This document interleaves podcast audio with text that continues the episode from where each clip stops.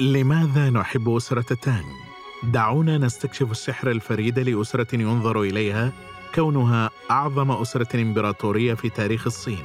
الحلقة الثامنة عشرة لوحات المناظر الطبيعية في أسرة تانغ. في هذه الحلقة سنتتبع المناظر الطبيعية في أسرة تانغ لنكتشف كيف رسم الفنانون التغيرات التي رأوها. معكم أسامة مختار في هذه السلسلة الصوتية التي سنتعرف معا فيها على أسرة تانغ ونحاول اكتشاف كيف وصلت إلى القمة وأصبحت الدولة الأكثر ازدهارا وترابطا وابتكارا في العالم وكيف تمتعت بإرث غني ومؤثر لا يزال قائما حتى يومنا هذا. من الواضح أن المناظر الطبيعية لم تكن جديدة على عهد أسرة تانغ. لقرون عديدة كان الرسامون يدرجون عناصر المناظر الطبيعية في أعمالهم ولكنها أدرجت بشكل أساسي كخلفيات أو كجزء من الجداريات. لكن انصب التركيز على التفاصيل كالأشخاص والأحداث والمعارك والممتلكات والدراما والحركة. ولكن خلال عهد أسرة تانغ فإن رسم المناظر الطبيعية وضع المشهد والبانوراما والمنظر في مركز الصدارة. خرج من خلف الأستار وأصبح محتوى أساسي. لكن لماذا حدث هذا؟ كانت هناك عدة أسباب. أحدها تأثير اللوحات البوذية. منذ القرن الخامس كان بإمكانك العثور على الرسامين يمزجون بين المعابد الشهيرة والجبال الشامخة والمناظر الطبيعية التي تحيط بهم. لكن المناطق المحيطة كانت عارضة وضبابية ومع ذلك يعتقد البعض أنها مهمة. على سبيل المثال زونغ بينغ الذي عاش في القرن الرابع أي قبل وقت قصير من وجود أسرة تانغ كان فنانا وموسيقيا صينيا كان بوذيا وناسكا وارتحل طوال حياته. كتب أقدم نص عن رسم المناظر الطبيعية. كتب في ذلك المناظر الطبيعية لها وجود مادي ومع ذلك تلمس أرواحنا أيضا.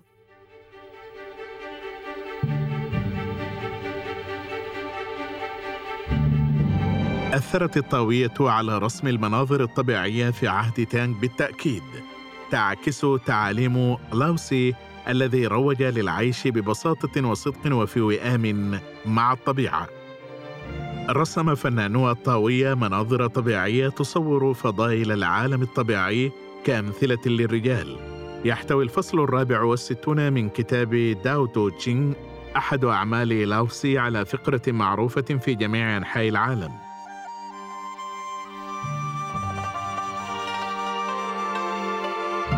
شجرة بمحيط ضمة رجل تنمو من تبادل لإطلاق النار الصغيرة. شرفة بارتفاع تسعة طوابق. تظهر من سلة من التراب. ورحلة الألف ميل تبدأ بخطوة.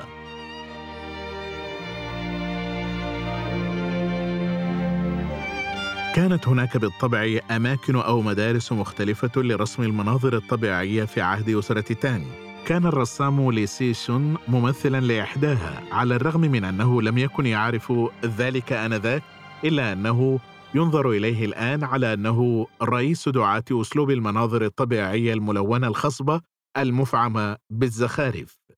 كان على صلة بعائلة تانغ الإمبراطورية وقاد حياة سياسية نشطة وحمل لقب القائد الفخري. كان ابنه لي تشاو تاو رساما مشهورا أيضا يشار إليه أحيانا باسم القائد لي الكبير والقائد لي الصغير. من المعروف أنهما رسما أعمالا زخرفية دقيقة للغاية باستخدام الألوان المعدنية خاصة كالأزرق والأخضر والأبيض والذهبي. اختلفت أعمالهم عن الاتجاه السائد في لوحات المناظر الطبيعية التي أنشأتها الطبقة المثقفة حتى ذلك الحين وغالبا ما تعكس الألوان المتغيرة للفصول.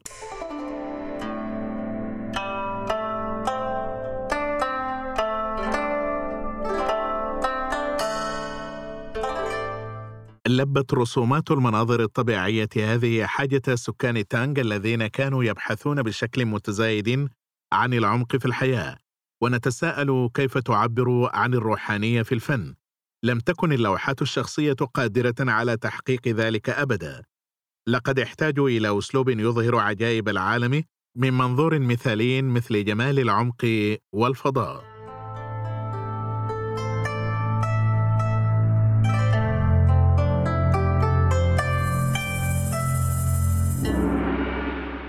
في المقابل هناك عمل الرسام وو تاوسي الذي فقد والديه في سن مبكرة وعاش حياة صعبة في سنواته الأولى.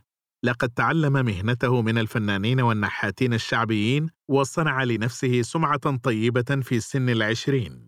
تمت دعوته من قبل الإمبراطور شوان سونغ ليكون رساما إمبراطوريا في البلاد على هذا النحو لم يتمكن من الرسم إلا بناء على طلب الإمبراطور مما جعله مقيدا للغاية ومع ذلك كان يشرب دائما وهو يرسم مما حرر إبداعه إلى حد ما. هناك حكايات من شأنها أن تجذب الجماهير عندما رسم لسرعته الشديدة وقدرته على الوصف بدون الخوض في التفاصيل دون رسم مسبق. رسم بشكل أساسي جداريات دينية واقترح حوالي 300 لوحة جدارية و100 مخطوطة ورسم الجبال والأنهار والزهور والطيور. يعد وو داوسي واحدا من أفضل الرسامين في عهد أسرة تانغ. كان ماهرا في رسم كل من الأشكال وكذلك المناظر الطبيعية لذا يعتبر رساما شاملا.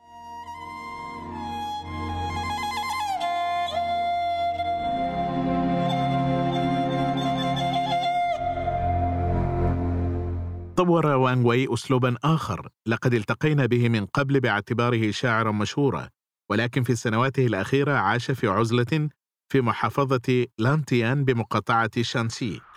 يوصف أسلوبه بأنه إنساني وتنبع جذوره من العالم الحقيقي.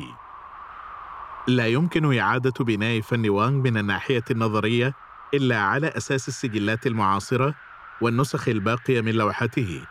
اشتهر بالمناظر الطبيعية أحادية اللون بالحبر خاصة مناظر الثلج. طالب الأخير باستخدام تقنية غسيل الحبر. كانت لوحات وانغ وي مبتكرة وتقليدية على حد سواء. ولكن من المؤكد أن الجمع بين الرسم البارع والمهارات الشعرية هو الذي أدى إلى وضعه الأسطوري تقريبا في العصور اللاحقة.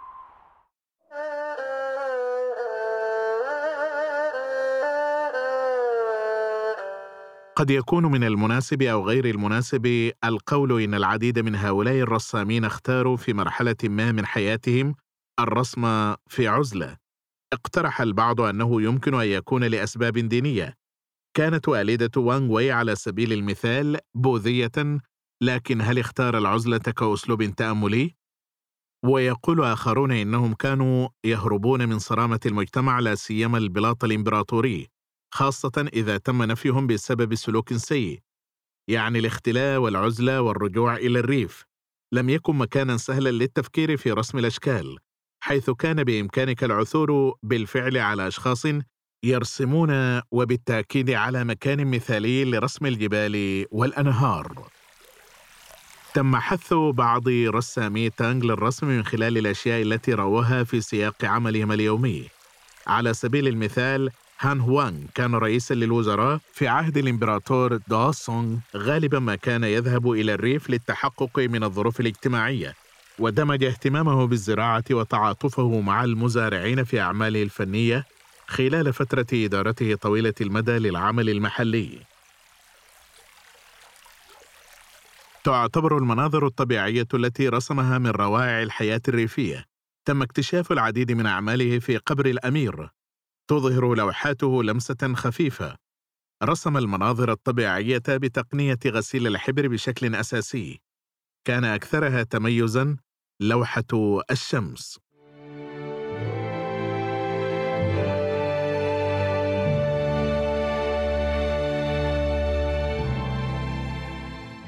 هناك سبب آخر لانطلاق لوحات المناظر الطبيعية في عهد أسرة تانغ وهو حب نبلاء تانغ للهندسة المعمارية.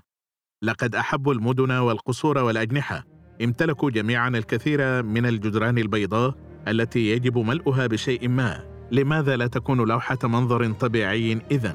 كانت جدران المعبد مغطاة بشكل أساسي بلوحات عن البوذية والطاوية، لكن كانت الزخرفة العامة لمنازل المناظر الطبيعية والزهور والطيور بصورة رئيسية. تأثرت لوحات المناظر الطبيعية بشكل كبير بشعر المناظر الطبيعية، ولأن الشعراء كانوا في الغالب رسامين وخطاطين، فقد تأثر الشعر بالمثل بالمناظر الطبيعية التي رأوا المزيد والمزيد عنها. كيف لنا أن نعرف هذا لأن الأكاديميين قاموا بالتدقيق في الكلمات المستخدمة في الشعر في ذلك الوقت واكتشفوا أن لي باي ودوفو تحتوي على عدد كبير من الألوان المذكوره بها كالأخضر والأحمر التي كانت شائعة في لوحات المناظر الطبيعية كان هذا طبيعيا تماما بالنسبة لتانغ السعي وراء الشعر في الرسم والسعي وراء الرسم في الشعر.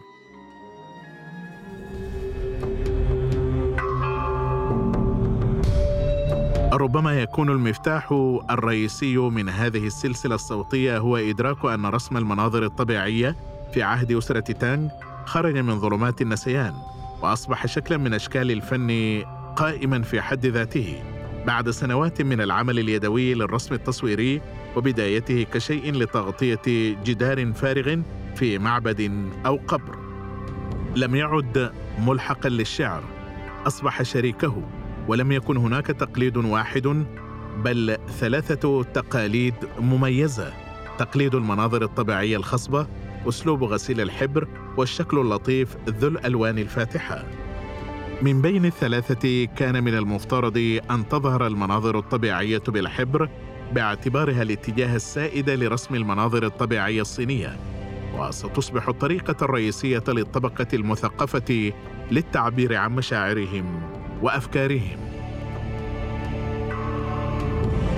شكرا لكم لحسن استماعكم وانتظرونا في الحلقة القادمة.